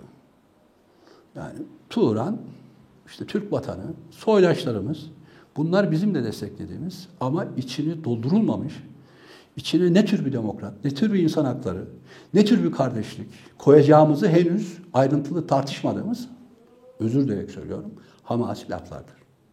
Ciddi olalım. Biz bu toprakları yedirmek istemiyoruz. Ama ne zaman bu toprakları savunmaya kalksak, bizi burada arkamızdan hançerlerin dinciler olduğunu, ya Hindistan kökenli tarikatlar bugün önümüzü kesiyor. İşit kesiyor, El-Kaide kesiyor. Yarın bu toprakta sokaklar karıştığında kim kesecek bizi? Bu, bu tür adamlar kesmeye çalışacak. Şimdiden öyle dağlarda kamplarındalar yani. Ya da silah talimi falan yapıyorlar. Ya da Irak'ta böyle oldu. Ya da Suriye'de böyle oldu. Ya da Orta Asya'da da böyle oluyor. Yani şimdi bu insanlar yani biz topraklarımızı sevinecek bir insan kültürü. Bir insan fikriyatı. Bir insanlık ideali. Değil mi? Demokrat. Bütün dünyaya eşit kardeş bakan, kendi topraklarına samimi sıcak bakan. Henüz bu fikri inşa edemedik. Bütün bunların ışığı Kazakistan'daki olan olaylar bize işin her tarafıyla değerlendirme şansı versin. Yani bu işe lak diye düşmeyelim. Şimdi mesela birden Suriye'ye girdik biz. 2012'de falan. La bizi kim soktu? Niye soktu? Ne oldu? Birden Şam'da gidiyorduk, Emevi Camii'nde şey yapıyorduk. Derken dünya başımıza yıkıldı. 5 milyon mültecinin altından hala kalkamıyoruz. Ve dünya savaşları ve yüz binlerce kız çocuğu öldürüldü orada. Şimdi aynı şekilde ya ne güzel gidiyoruz Şam'da. O Turan Muran. E, bir saniye. Öyle gidersen sen belki de oradan da büyük göç, oradan da büyük şeyler hiç tasvip etmeyeceğimiz insanlık dışı değil mi? Vahşi insanları desteklemiş olursun ya da bize ne dersin? Çok tehlikelidir. Hangi kelimeleri, hangi kavramları nasıl kullanacağın çok tehlikelidir. E, bu devrimler, e, turuncu devrimler ben çok zarar getirdiğini düşünüyorum. Evet Ukrayna'ya kısmen yaradı ama kalıcı da hasarlar bıraktı. Ama bizim üstümüzde anayasal haklarımızı nötralize etti, korkuttu yani gözümüzü korkuttu. Biz düşmanla işbirliğine girmemek için, Soros'a karşı haklı olarak e, oyunlara gelmemek için bu Osman Kavala gibi e, çok bir içine kapandık. Ve bir nevi bu içine biz aşırı kapanarak da e, başımızda da tasvip etmediğimiz yüksek yolsuzluklara karşı, müşavirlere karşı, iktidara karşı sesimizi meydanda çıkartamaz hale geldik. Bu da turuncu devrim aslında e, yoksul bizim sesimiz olacakken bizim sesimizi yok etmenin ile sonuçlandı. Yani bizi susturdu yani. Zalimler gene zalim, diktatörler gene zalim. Bunun tek suç sorumlusu da turuncu devrimlerdir. Yanlış adresler, yanlış isimlerle kirlettiler. Sokak kültürünü, haklı yürüyüş kültürümüzü, haklı miting kültürümüzü, haklı kalabalık kültürümüzü pislettiler ve kirlettiler. E şimdi kim sokağa çıksa yani şaibe altında kalacak korkusu hepimizin üstünde. Bu Kazakistan örneğinde de çok açık. E şimdi burada bir de çok gizemler var. E şimdi burada dünya en büyük gizemimiz yani şu anda işte binlerce temizlendiği halde gizli hesapları olan, kendilerini gizleyen, bürokraside gizleyen, tweette gizleyen, her yerde gizleyen FETÖ'cü diye bir şey var, yapı var. Hani bunlar gidiyordu, okullar açıyordu, Kazakistan'da hani övünüyordunuz. E şimdi bu gizli adamlar her şeyi de gizliyorlar. Şimdi bu kadar gizli adamlar senin iktidarında, senin okullarında, senin bilmem nerelerinde. Oralarda bu gizli adamlar nerelere yayılmış, nerelere girdik bildiğin değil. Burada yüz binler, beş bin, on bine yakın Kazak çocuk okudu. Kim okuttu? Kimin adamıydı? Oraya gitti ne oldu? Onlarla irtibat kuran var mı? Ya da bizim o El-Kaide ile ilişkiye giren Amerikan El-Kaide ile ilişki- ilişkiye giren bir ciddi bir tezgah var. Siyah tezgah var. Bu siyah tezgahının da tarikatlarda bir yolu var. E bunlardan oraya kim gitti? Abi araya girip bir şey sormak istiyorum. Tam bu sıcaklıkta biz canlı yayındaydık bu Kazakistan haberleri geldiğinde. Senin şu mesela yarım saatlik 45 dakikalık değerlendirmede Nazar Bey'in heykelini yıktılar. Bana şu lazım geldi. Dedim ki Kazakistan'ın bir Nihat Genci var mı kardeşim? O Nazar Bey'in heykeli yıkılmadan önce ortaya tutup çıkıp da şura haklı, şura haksız, yanlıştı. O anlarda o kadar önemli ki abi.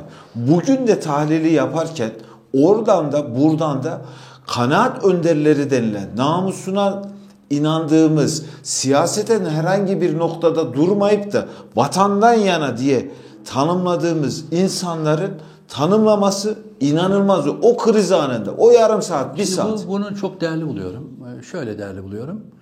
Şimdi toplumlar kriz anlarında, çıkışsız anlarında, çöküş anlarında e, bir güvenilir ses isterler.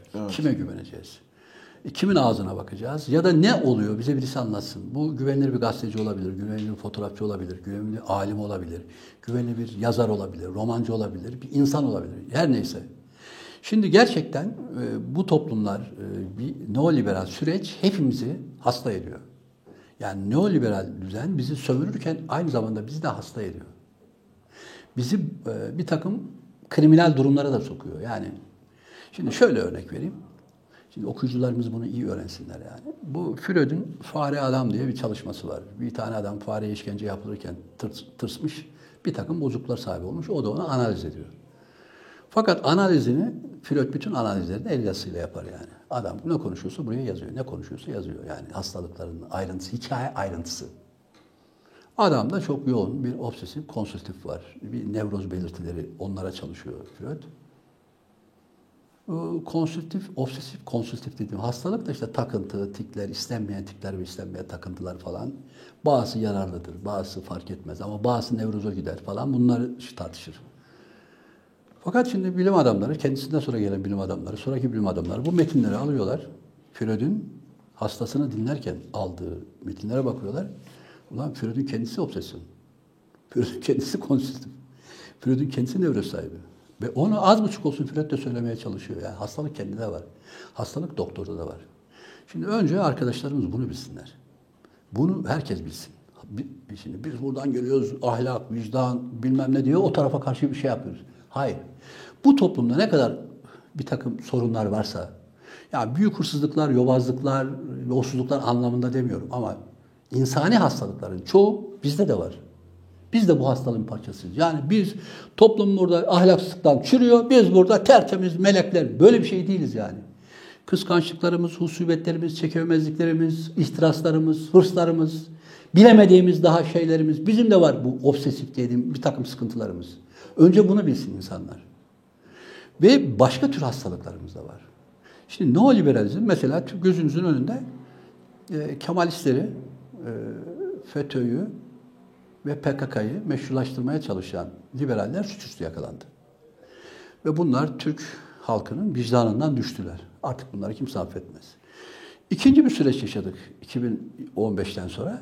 Bu sefer CHP, HDP, HDP'yi ve FETÖ'yü meşrulaştırmaya başladı. Yok onları affedeceğiz, helallaşacağız, yok onlar geliyorlar falan diye. Ama bu sefer bunları meşrulaştırma işinde taşıyıcı görev. İlk dönem liberallerde, ikinci dönem Kemalistlerdi. Değil mi? Sözde Kemalistler, Yılmaz Özdiller, Sözcü, Cumhuriyet falan. Fakat bu taşıyan adamların bir takım özellikleriyle liberallerin bir takım özellikleri aynı. Nedir bunlar? Mesela narsistlik, narsizm, kendini beğenme. Yani nedir kendini aşırı beğenme? Ya aşırı beğenme görürsün orada kızlar var tweet sayfalarında ya da işte ne Instagram sayfalarında sürekli kendi fotoğrafını gösteriyor. Ya kızım yani dünyada yani ikinci bir adam yok mu? Yani başka bir sorun yok mu? Hep kendi suratına. Hep kendi suratına odaklı. Bunlar hep kendi suratına odaklı. Yani çok önemli şeyler de vardır, hikayeler de vardır. Yani çocuk internetten biriyle tanışıyor, bir kızla tanışıyor. Gidip onunla tanışacak yani flört için. Gidiyor gider gitmez işte ben şu el- meyveleri yiyorum, şu yemekleri yiyorum, şuraları gezdim, benim ailem şudur, benim işte hasta olduğum sanatçılar şunlardır, şunları takip ediyorum, şunların koleksiyonu yapıyorum, şunlarsız yapamam diye iki saat kıza konuşuyor. Kızla da tanışmış, beğenmiş hani orada flört başlayacak. E kız da diyor ki iki saatin sonunda ya buraya geldik. Sen iki saat bana kendini anlattın. Ama bir kere diyorum bana sen kimsin demedin. Ben üç çocuk sahibi dul bir kadınım. Bir kere söylemedin diyor benim kim olduğumu. Şimdi bu narsist tip. Şimdi bir bakın bu neo kemalistlere ya da Ekrem İmamoğlu tiplere ya da Abdullah Gül gibi tiplere. Bunlar halkın ne iş yaptığını bilmez. Halkın derdini bilmez, sıkıntısını bilmez, acılarını bilmez, hiçbir şey bilmez. Bunlar kendi suratlarını bilir, kendi aynalarını bilir. Ve onların dert dediği bu insanlar bana aşık mı? Şimdi narsist şöyle düşünür. Ya bir Uğur Dündar, bu beni alkışlayan bana aşık mı? Lan sana aşık olunca sorun bitecek mi? Bir İmamoğlu şöyle düşünüyor. Ya bunlar beni destekliyor bana aşık mı? Ya ünler insanlar bana aşık mı? Lan insanlarla ilişkiye girmemişsin. Ne haber dememişsin ondan aşk bekliyorsun. O böyle de bir halk kitlesi oluşturdular. Bir adam bize merhaba demesin. Biz uzaktan sevda şey yapalım. Melankoli, penceresine bakıp aşık olalım. Adam bize hiç gidip gelmemiş. Adam bizim hiç işi olmamış. Biz durduk yere ona aşık olacağız. Şimdi muhalefet adamlar oraya koyuyorlar. Adamlar bizi seyretsin diyor muhalefetteki seçmenler. Biz de onlara aşık olacağız. Bu bir narsist ilişki tarzıdır. Şişmiş ego beyinleridir. Burada muhalefetiyle, seçmenle alakası yok. Seçmen de bozuktur, adaylar da bozuktur. Şimdi ben şey, Ekrem İmamoğlu'na niye aşık olayım abi? İşte Livaneli aşık olmuş. Donunu koklayanlar var. Şeyin FETÖ'nün donunu koklamadılar mı? Her gün ekranda değil mi? E, Hazret dediler. Şimdi başkalarına diyorlar. Şimdi buralardan bu hastalıklar neoliberal toplum önce muhalefeti iktidarı hasta ediyor. Yolsuzluk, ahlaksızlık, Allah'ı satma, dini satma falan. Pudra şekerine kadar getirdiler yani. Tarikatlarda sübyancılık falan. E, muhalefette de seçmeni hasta etmiş. Seçmen hiç tanımadığı, daha düne kadar tanımadığı adamı aşık oluyor. Aman onsuz olmaz. O iktidar olacak. Mehdileştiriyor. He, Mehdileştiriyor, mesilleştiriyor. Evet. Sonra karşıdaki adam da e, böyle sadece poz veriyor. Halk için bir çalışması yok, bir projesi yok, bir fikri yok. Bir muharebeye girmemiş, bir toplumsal çalışma yapmamış, bir abide dikmemiş Türkiye'ye, bir fabrikanın şeyini de açmamış. O da böyle poz vererek insanların kendine aşık olmasını bekliyor. Bütün bunlar hastalık türüdür. Bu hastalık türlerinde muhalefetin iktidarında olan da, muhalefet olan da da, seçmeninde de bir neoliberalizmin hepimize getirdiği kıskançlıklar, husumetler, kendini gösterme, kendini beğenme gibi kişiliğimizi öne koyma gibi hastalıklar var. Kişiliğimizi memleketten üstün görme gibi hastalıklar var. Kişiliğimizi insanlığın değerlerinden daha önemli hale getirmek gibi hastalıklar var. Ekrem İmamoğlu'nda da var, Uğur'unda da, da var, kısmen bizde de var. Yani kişiliğimizi merkeze koyma gibi. Bu neoliberalizmin en büyük hastalığıdır. Oysa vatanseverlik dediği şey feragattır. Fedadır. Kaç kişi biliyor Çanakkale'deki 17 yaşında ölmüş çocukların kim olduğunu, suratlarını, fotoğraflarını, simalarını gördüğünüz var mı? Yok. Sadece adını söylüyoruz. Filmleri bile oynatılmadı. Ya da bu toprak için Güneydoğu'da seyiş, savaşmış değil mi çocukları? Kaç kişi tanıyor? Onları hiç bilmiyoruz. Onlar gittiler. Kurban oldular. Gözleri kapalı. Simaları yok. Bir hatıramız yok onlarla ilgili. Sadece şehit oldu diyoruz. E, topluma bakan insanlar, büyük insanlık değerleri var. İnsan hakları var, kadın erkek eşitsizlikleri var, ne bileyim eşcinsel hakları var. Bir sürü haklar için ortaya çıkacaksın. Ama bütün bunlar için bir feragatın olacak. Bir feda kültürün olacak. Yani önce bir insan mayamız olacak. Sen bütün bunları yapacaksın ama kendin için bir şey talep etmeyeceksin. Ya bana küçük bir maaş yeter, sıradan bir maaş yeter, lüks istemiyorum. Önce kendi kişiliğine oturacağın bir ahlak ve vicdan olacak. Kimseyi hakkını ihlal etmeyen, hani kendin mütevazi bir hayatın olacak. Tabii ki sinemaya git, sanata git, tabii ki küçük bir araban olsun bunu söylemiyorum. Ama abartmayan bir hayatın olacak. Bütün insanlarla kendini eşit gören bir anlayışın olacak. Şimdi muhalefetinde, iktidarında, seçmeninde kendini terbiye etmiş bir seçmen, kendini terbiye etmiş, kendini insan etmiş bir lider adayımız yok. Narsist, egomanya, şişirmişler egolarını Türkiye'ye değil onlara tapıyoruz. Sınırımız bir de o egolarını o kadar şiş, o egolarına o kadar güveniyorlar ki Ha millet bana aşık. Ben PKK'yı da geçiririm. FETÖ'yü de iktidara taşırım. Kimse de çakmaz. Beni affeder yani. Beni o kadar seviyor ki benim torpilimle, benim şeyimle. Yani yok böyle bir şey. Herkes kendine gelsin. Herkes bu dünya üzerinde e, nefsini bir terbiye etsin. Sıradan insanlar olduğumuzu bir bilelim. Hepimiz eşitiz, kardeşiz ama karıncalar gibi. Ama hamsi sürüsündeki her bir hamsi gibi. Sığırcık sürüsündeki kuşlar gibi. Hiçbirimiz atmaca değiliz, daha yüksek değiliz. Daha imtiyazlı değiliz. Hiçbirimizin suratı öbüründen daha yakışıklı. Hiçbirimizin şeysi de öbüründen daha imtiyazlı ve dokunulmaz değiliz. Önce bu kültürü insanlar öğrenecek. Yani bir felaket kültü ister vatanseverlik. Bir fedakarlık kültürü, bir adanmışlık kültürü ve kendini herkesle bir eşitleme kültürü. Cephe nedir? Gidiyoruz Sakarya Savaşı'nda ya da belli bir mitik meydanında yüz binlerle kendimizi eşitliyoruz. Seninle eşitim, aynıyım. Cephede o mermi sana da gelir, bana da gelir. Bak eşitliyoruz. Bütün tesadüfler, şanslar ve fırsatlar karşısında kendimizi hem yasal olarak hem de sokakta hayatta eşitliyoruz. Şimdi burada eşitleyen yok. Burada her şeyi ben bilirim adamlar var. Suratlarını dünyanın en yakışıklı gören adamlar var. Bu kendilerini bu ülkeyi de çok fazla gören adamlar var. O kadar büyükler ki Türkiye az onlar için. Böyle sanatçılar, böyle yazarlar, böyle mizahçılar, böyle muhalefet, böyle şey ve ama ortada bakıyorsun hala diktatörler almış başını gidiyor. Bu da pis diyorsun. Bu ne diyorsun? Değil mi? Taşlar yerine olmuyor. O halde şunu herkes görecek. Biz vatan, önce vatansever olabilmemiz için bir nefsimizle, yani bir insan yüzümüzle ne yaptık, ne ettik? İki taşı üst üste mi koyduk? Bir tarlada bir belimiz mi var? İki tane derede su mu taşıdık? Taş mı taşıdık? Bir tuğla mı getirdik? Bir kalemle bir yazı mı yazdık? Ya da şuraya üç kuruşluk faydamız mı oldu? Herkes evinde kedisini, köpeğini kucağına almış. Aa Ekrem İmamoğlu geliyor. Aa Uğur Dündar alkış. Bu kendine aşık olan insanlar, egomanya insanlar ki neoliberalizm ister istemez herkesi giyim, moda, iletişim araçlarıyla manyak yapar. Senin fotoğrafını gösterir, seni ekranda böyle gösterir. Herkese kendine aşık ettirir. İşte Instagram, Twitter dolu yani. Manyak eder seni. Bu manyaklıklarıyla da iktidar alacaklarını düşünüyorlar. Bu tarafı da manyak, öbür tarafı da manyak. Şimdi burada bir büyük bir insan terbiyesi. Ha, şimdi bütün bu insan terbiyesi toplum tarafından görülür. Ne görülür? Ya der ki şurada bir adam var derler. Onu bir dinleyelim. Ona bir bakalım. Toplumda tabii bataklık, kir, çamur çok yoğun olunca fırtına, kum fırtınası bütün pisliğini de herkesin üstüne atınca kimse de kaçamıyor. Buna biz de dahil. Ama en kritik anda işte Yunan şeye girmiş. La girdi mi Yunan İzmir'e? Ya bir de Ahmet'e sorayım. Yunan girdi mi? Hah, bunu diyorum işte. Ya girdi mi? Lan bir bakın Yunan girdi mi? Herkes birbirine telefon ediyor. Şimdi ne yapalım? Lan Yunan girdi mi? Üç gündür, iki gündür kafayı yedik. 50 bin kilo adamla telefonda görüştüm ben ya. Ukrayna'da adamla telefonda görüştüm. Kazakistan'la adamlarla ilişkiye girdik. Kırgızistanları aradık. Ya Yunan girdi mi? Cevap yok. Güven nereden kalmamış. Biri diyor ki burada şunlar yapılmış olabilir. Biri diyor şunlar yapmış olabilir. Biri diyor şunlar yapmış olabilir. Halkın, insanların, dünyanın, bizim güvenilir adam yok.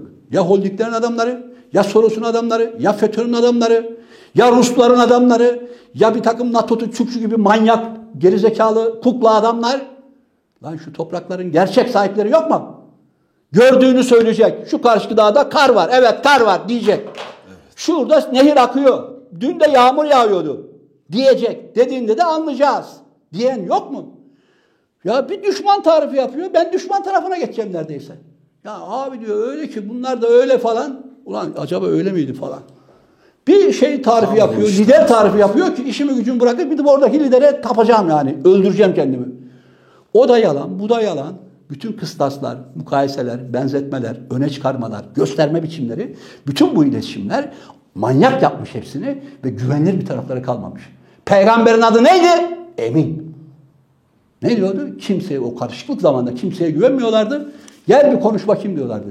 Onun ağzına bakalım. Daha vahiy gelmeden peygamberimizin emin adıyla öne çıkışı gibi. Ya bu bir tabi metafordur.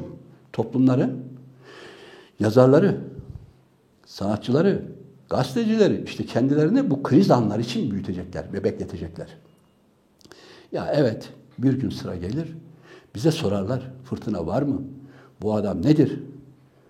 E, o zaman sen çıkıp ve konuşacaksın. O yüzden 50 yaşına kadar şu şirkete ortak olma, şu adamla işbirliği yapma, FETÖ'yle adını geçirme, şu yolsuzluklara girme, dini, Allah'a, kitabı bu üç kağıtçı, tarikatçılarla yalan yanlış işlere girme ki bu ülke 60 yaşına geldiğinde sana güvensin. Ama şimdi Bu 60 yaşına gelmiş adamlara bakıyoruz. Bunlar siyasi yorumcular, bunlar diyanet, bunlar hacı, bunlar siyasetçi, bunlar vekil, bunlar gazeteci. Bok çuvalı, bok! Lan herife Kazakistan'ı soruyorum üstüme bok dökülüyor be. Orası benim vatanım. Bu uçsuz bucaksız topraklar benim vatanım. Orada benim vatanım işgal altında mı? Yunan mı girdi? Haberim yok. Bana bunu anlatabilecek bir tane, 50 tane Türk dünyası kuruldu, şunlar kuruldu, 50 adamlarımız var, teşkilatlarımız var, giden gelen var, TİKA var, MİKA var. Lan yok bize bu bilgiyi verecek adam. İşgal edildiğimizin dahi farkında değiliz. Kapı şeyde Suriye sınırında 10 tane adam var. Koymuşuz 10 tane adam oraya. Baba dün akşam Suriye'den bize düşman mı girdi? Biri bir laf ediyor, girmedi. Biri gitti, biri işit, biri o. Ya bizden de değildi. Lan net bir şey söyleyeyim mi? Düşman girdi mi, girmedi mi? Kötü bir şey var mı, yok mu? Ne tarafına üzüleceğiz değil mi? Bu, bu nedir? Bu samimi, vicdani, ahlaki bir değerlendirme ister, bir muhakeme ister, bir muhasebe ister. Kendi iş nefsini terbiye etmemiş insanların muhasebesi olmaz zaten. Ya onun adamıdır ya bunun adamıdır. Zaten bu ülkede ya onun adamı ya bu tarikatın adamı ya FETÖ'nün adamı ya menzilin adamı ya şunun adamı ya egosu şişmiş narsist adamların ya şu şirketin adamı ya holdingin adamı bütün bunlar belli aynı suçla şeyleri, hastalıkları taşıyorlar. Şimdi bu kadar hastalık olduğu yerde de Serkan Öz ya da Nihat Genç burada gelmiş. Biz sizden değiliz. Bu hastalıkların hiçbirini tanımıyoruz. Susun. Bu da yanlış. Biz de bu hastalıkları taşıyoruz. Önce okuyucu, izleyici onu bilecek. Biz de yazıyoruz. Aynen Freud hastasını e, narsist ya da konsültif hastasını ayrıntılı hikayesini dinlerken kendi hastalıklarını ele verir gibi. Ben de burada parlarken, hiddetlenirken, kendimi tutamazken de bir takım hastalıklar dile getiriyorum. Bunlar da bizim gerçeğimizdir. Ama burada hepimizin müracaat edeceği bir nokta var. Hepimizin gideceği bir nokta var. O da samimiyettir. Samimiyet Allah insanın kendi içinde Allah'la konuşmasıdır. Kendi kendini yani tenkittir, eleştiridir. Ya ben ne yapıyorum? Doğru mu yapıyorum? Belki de komşum haklıdır. Belki de şu haklıdır. Belki de öbürü haklıdır. Benim zararıma da olsa, benim çıkarıma da olmasa bir başkasına da hak vermek, bir de o taraftan bakmak gibidir. Önce samimi insanlar 4 yaşında, 5 yaşında çocuğu getirip Kur'an dayayarak, onun beynini yıkayarak, onu manyak ederek, onu FETÖ okullarına getirerek, onu o tarikatlara sokarak, bunu suç ortağı yaparak, ona e, kokain şeylerine susturarak, onu iktidarının bütün yolsuzluklarına susturarak, görmeyerek herkesi manyak yapmışsınız. Ortada güvenilir, kendiyle konuşabilen, yıldızlar orada, mektep orada, eşim orada, sokaklar burada diyecek basit sıradan normal insan bırakmadınız. Bu büyük bir neoliberalizm hem İslam'a hem Allah'a hem dilimize hem milli değerlerimize hem insanlık değerlerine çok büyük zarar verdi. Buradan ancak içimize, insan duygularımıza, bak bu insan duygularımız derken samimi sakin duygular demek istemiyorum. O sarı yelekleri gibi öfke de vardır. İsyan da vardır. Tahammülsüzlük de vardır. Ben o kıskançlığı da istiyorum. Toprağımı kıskançça savunmak istiyorum. Madenimi, petrolümü. O duygular hepsi de vardır. Ya öyle de bütün petrolü de ona vermesek de onlar da bize rahat bırakmaz. Ya arkayı da sağlam almak lazım. Ya Amerika'ya verdik ama Rusya da şey yapar. Bütün bu denge politikaları, siyaset, bütün bu siyaseti yöneten psikolojiler ve iktidarın onları belli iktidara çıkarabilmek için bu çıkarlara muhtaç olmaları hamuru ve mayayı bozmuştur. Yeniden hepimizin iç samimiyetimize benim mesela inandığım bir şey var. Bu divan şiirimizde, edebiyatımızda çok vardır. Tasavvufumuzda da vardır bu bizim Yunus dediğimiz tasavvufta. Bu toprakların kökü olan tasavvufta. İnsan kendisine böyle dalınca sabah akşam uykuda ya da şöyle kendiyle ne konuşur? Kimle konuşur? Allah Allah. Bizim inancımıza göre, Türk milletinin inancına göre Allah'la. Allah hep orada duruyor. Allah orada değilse sen bugün Nazarevin yanındasın, öbür gün öbürün yanındasın, öbür gün öbürün yanındasın. Hep böyle fırlama, şey, bir takım hesaplar, kitaplar, dengeler, fırlamalıklar, o ajanlar bunların yanındasın. Sen insan değilsin. Senin içinde Allah'la konuşacak gücün yoksa zaten insan değilsin. Allah'la konuşacak, kendini sigaya çekecek, kendini eleştirecek, kendini sınırlayacak, kendi şeylerini görecek. Şimdi Freud'un hastasından fazla tarafı şuydu. Freud hastalığının farkındaydı. Kendi içiyle konuşan insanlar da hastalığının farkında insanlardır. Biz tamam biz de aynı hastalıkları taşıyabiliriz ama biz de hastalığımızın farkında insanlarız. Farkındaysan onu hani daha az daha şey kontrol altına alırsın. fazlalığı fark eden, hastalığını fark eden insan otomatikmen kontrol altına alır. Beyin fark ettiği her şeyi şeyde çemberine alır ve onu bir şekilde bunun aptalı zekisi çalışması yoktur. Her beyin onu düzeltir ve toparlar. Sınırlar. Ama farkında değilse meczuplukla kaçıklık arasındaki fark odur. Adam yani içinde girdikçe mevcutlaşabilir. O beyin onları tölere eder. Ama onun farkındaysa o kaçıktır. Bayağı delidir yani tımarhanedeki. Bu ayrımları kendi içinde yapabileceksin. Nerede isyan, nerede öfke, ben kimin adamıyım? Ve şu soruyu soracaksın. Ben bu dünyaya niye geldim? Bu dünyanın özü nedir? Değil mi yani? Bu temel soruları sormadan da bir insan hangi tarafta duracağını bilemez. Önce böyle bir yere oturacaksın. Ve benim anlayamadığım da şudur. İnsanın kendiyle konuşması çok ilahi, sonsuz bir tahta oturtur insanı ya. Böyle bütün gezegene, yıldızlara bakarsın yani. Böyle bir tahttır yani. Bütün bu yıldızlarda senin toz gibi de kendini görürsün. Ama bütün bu yıldızların yörüngesini değiştirecek kadar bir irade sahibi olduğunu da görürsün. Bütün bunlar sana verilmiş bir roldür ve görevdir. Biraz sonra gideceksin. Yok ben çok şişkinim, yok ben egom güzel, yok ben çok yakışıklıyım, o ben herkes bana tapıyor, herkes bana aşık olsun, herkes benim peşime düşsün. Hep ben alayım. Ya benim o kadar gücüm var ki benim hırsızlığımı kimse görmez. Ben bu kadar çaldım ama ya, çaldığı adamlara da şey yaptım, ortaklaştırdım, onlar şimdi beni de destekler falan. Pırıldak, dümen. Bir insan kültürü. Yani önce işte Türk toprakları. Kardeşim çok gerçek. Osmanlı'nın elinden Arap toprakları Kerkük çıktı ve Amerika ve İngiltere dünya devi oldu oradaki petrollerle. Dünyanın en büyük şirketleri oldu mu olmadı mı? Oldu. Hepsi oradan çıktı. Hepsi Azerbaycan'dan çıktı. İlk büyük petrol şirketleri. Sincan'dan çıktı dünyanın bütün büyük madenleri. Şimdi o uranyumlar, lityumlar en çok Kazakistan'da. Oralardan çıktı. Bunlar hep Türk topraklarında. Senin saltanat sürdüğün topraklarda. Ama bütün bunları kendini feda edecek, kendiyle konuşacak, kendini sigaraya çekecek, kendini halkıyla, tarihiyle kardeş, eşit görmeyen insanlarla yaptığın zaman işte üçkağıtçı, bozuk insanlarla bozuluyorsun. Kendini işgal ettirmişsin. Ben şunu diyorum yani bu liberalleşen Kemalistlere bunu diyorum, CHP'lilere bunu diyorum. Ya hepsine şunu diyorum ben. Ya siz kendinizi işgal ettirdiniz. Kendi benliğinizi işgal etmişler. Senin duygularını. Kimi seçeceğine başkası karar veriyor. Kimi beğeneceğine başkası karar veriyor. Senin içinde. Sana dayatıyorlar. Güdüyorlar seni. Bir hayvan gibi. Şuna git, şuraya gel, şurada otla, şunu yap. Şu adam büyüktür, ona saygı duyun. Yani senin içindeki beğenileri almışlar, seçimlerini almışlar, her şeyini almışlar. E, bu insan değildir. Bu insanlar muhalefet edemez. Bu ülkenin çocuğu olamaz. Vatansever olamaz. Bunları söylemek istiyorum Serkan. Abi ağzına sağlık ama ben son soru olarak eğer değerlendirirsen şey sormak istiyorum. Bu Kazakistan olaylarından önce tam bir gün iki gün önce Sayın Cumhurbaşkanı'nın işte sokağa çıkma üzerine söyledikleri ve buna karşılık olarak Kılıçdaroğlu'nda biz sokağa çıkmayacağız söylemleri. Yani biri diyor ki sokağa çıkarsanız siz işte şöyle kovalarız. Biri diyor ki sokağa zaten biz çıkmıyoruz. Kim kime ne mesaj veriyor? Şimdi orada 3-4 tane şey var. Onları dersimize de iyi çalışalım. Şimdi bu Kazakistan olayları bize daha çok bunu öğretti ve daha öğretmesi lazım. Şimdi e, seçim sonrası. Seçim kaybedildi. CHP tarafından seçim kaybedildiği takdirde şimdi dersimizi iyi çalışalım. Seçim sonrası seçim CHP tarafından kaybedildiği takdirde muhalefet tarafından HDP ve PKK'nın CHP'li kitleleri seçime zorlayacağı gibi bir anlayış var. Bu anlayış çok oturdu yani. Cumhurbaşkanı burayı mı işaret ediyor? Onu anlayamadım. Bunu tartışmamız lazım. Ama böyle bir gerçeklik var. İhtimal de var. Şimdi öbür tarafta Kılıçdaroğlu anayasal hakkından feragat ediyor.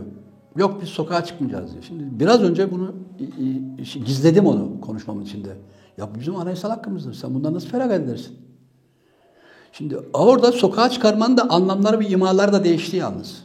Yani biz sokağa karıştırmak için sokağa çıkmak, sokağı bir illegal olarak kullanmak, Demokratik sokağı e, demokrasi dışında kullanmak gibi. Kılıçdaroğlu belki de bunu söylemek istemiştir falan gibi. Ama ben hepsinin üstünde bir şemsiye koyarak bir anlam üzerine geliyor. Yani niye korkmaya başladık biz? Bu sokağa çıkma eylemleri bizim anayasal haklarımızken bundan korkar hale biz nasıl geldik?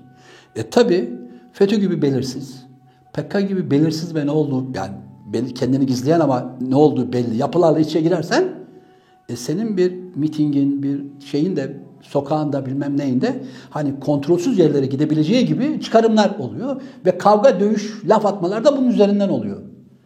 İşte turuncu devrimler, işte içi karışık, siyah dolu, Amerika dolu yapılarla iç içe girince samimiyetin de düşüyor. Bu adam sokağa çıkarsa kesin karıştırır, kesin yakar gibi ön yargılar oluşuyor. Aslında burada yani HDP için aldın, sen büyük anayasal haklarından da feragat etmiş oluyorsun ister istemez yani. Güvensizlik salgılıyorsun çünkü. Biraz önce güvenle düşün bunları. Adam diyor ki FETÖ'yle berabermiş. Buna güvenilmez diyor. Sokağa çıksa da sokağa yakar diyor. Ya da çıkmasa da yakar diyor. Pekala da böyle. Bu güvensizlik. İşte siyasilerin de bir güven oluşturması lazım.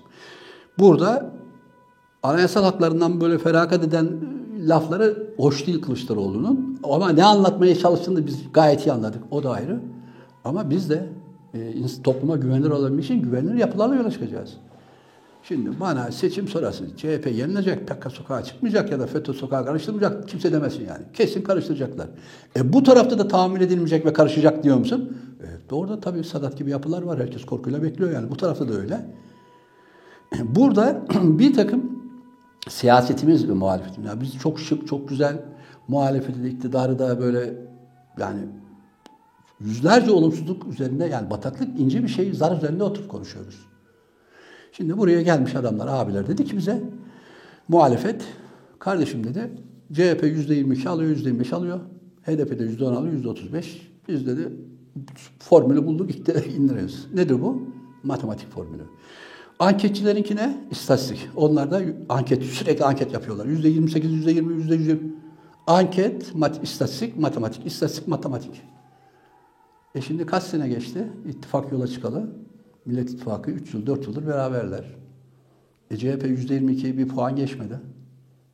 Yani insan yani Ayşenur Aslan orada program yapıyor Halk TV.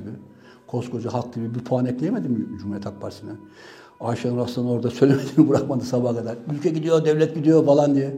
Yüzde bir katkısı olmadı. Sözcüğün, Cumhuriyet'in hepsini topluyorsun. Lan bu kadar uğraşıyorsun. CHP'ye niye yüzde bir puan katamıyorsunuz? Hani Uğur Dündar var bak sadece kişiliğinin yüzde bir katması lazım. Hadi bir katın. Hayır. Halk TV, Tele1, Cumhuriyet, Sözcü, muhalefete canlı canlı her gün bas bas katkıda bulunduğu halde, yayın yaptıkları halde CHP'ye yüzde birlik bir katkıları olmuyor. Ya da Millet İttifakı'nı bir puan yukarı çıkartamıyorlar. Sebebi e bunlar vicdana oturmuyor, ahlaka oturmuyor. Matematiğe oturuyorlar. Bunlara gelmiş şeyler, HDP'liler, PKK'lılar, yüzde on, HDP yüzde yirmi beş şey falan. Bu ahlak, bu matematik lan istatistik. Burada namus yok, ahlak yok, anlayış yok. Yani bir matematikle kitleyi şey yapamıyorsun, ikna edemediğin açık. Ve tam tersi bir şey oldu. Siz yüzde yirmi'de kaldınız ama bu arada kararsızlar yüzde otuz oldu. Kararsızlar hem muhalefeti geçti hem iktidarı geçti. Demek ki kararsızlar matematiği dinlemiyor. İstatistiği dinlemiyor. Neyi dinleyecek? Güvenilir insan arıyor. Güvenilir insan olmak için niçin? Vicdandan, ahlaktan konuşacaksın ve ülkenin bekasından konuşacaksın. Ben bu toprak bütünlüğünü yedirmem diyeceksin. Anayasayı çiğnetmem diyeceksin. Öyle ülkede askerimi öldürmüş adamlarla yola çıkmam diyeceksin. Öyle artistlik yok. Ben çok yakışıklıyım Ekrem İmamoğlu. Verdim pozu, aldım danışmanları, yazdırdım yazıları. Verin bana öyle. Demek ki yok. Siz sabahtan beri yüzde 22 oy övüyorsunuz da İstanbul Ekrem İmamoğlu övüyorsunuz da yüzde 30 kararsızları niye görmezden geliyorsunuz? Kararsızlar hepsinden büyük. E, kararsızlar da bu ülkenin bekası. Demek bu ülkeyi düşünen insanlar. Yani kararsız şu demek. AKP'yi de beğenmiyor, muhalefeti de beğenmiyor. Ve AKP'yi beğenmeyen insanlar çözülmüş bir yere gitmesi lazım. O tarafa da gitmiyor. Abdullah Gül'e gitmiyor. Öbür tarafa da gitmiyor.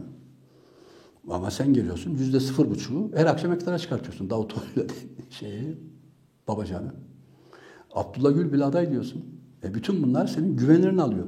Yani istatistik ve matematik hiçbir şeydir. Bunu öğrensinler. Yarı yoldan geri dönün. Şimdi seçime bir yıl daha var. Bu liberalleşen Kemalistler öğrensinler gerçeği. Bak bu matematik tutmadı.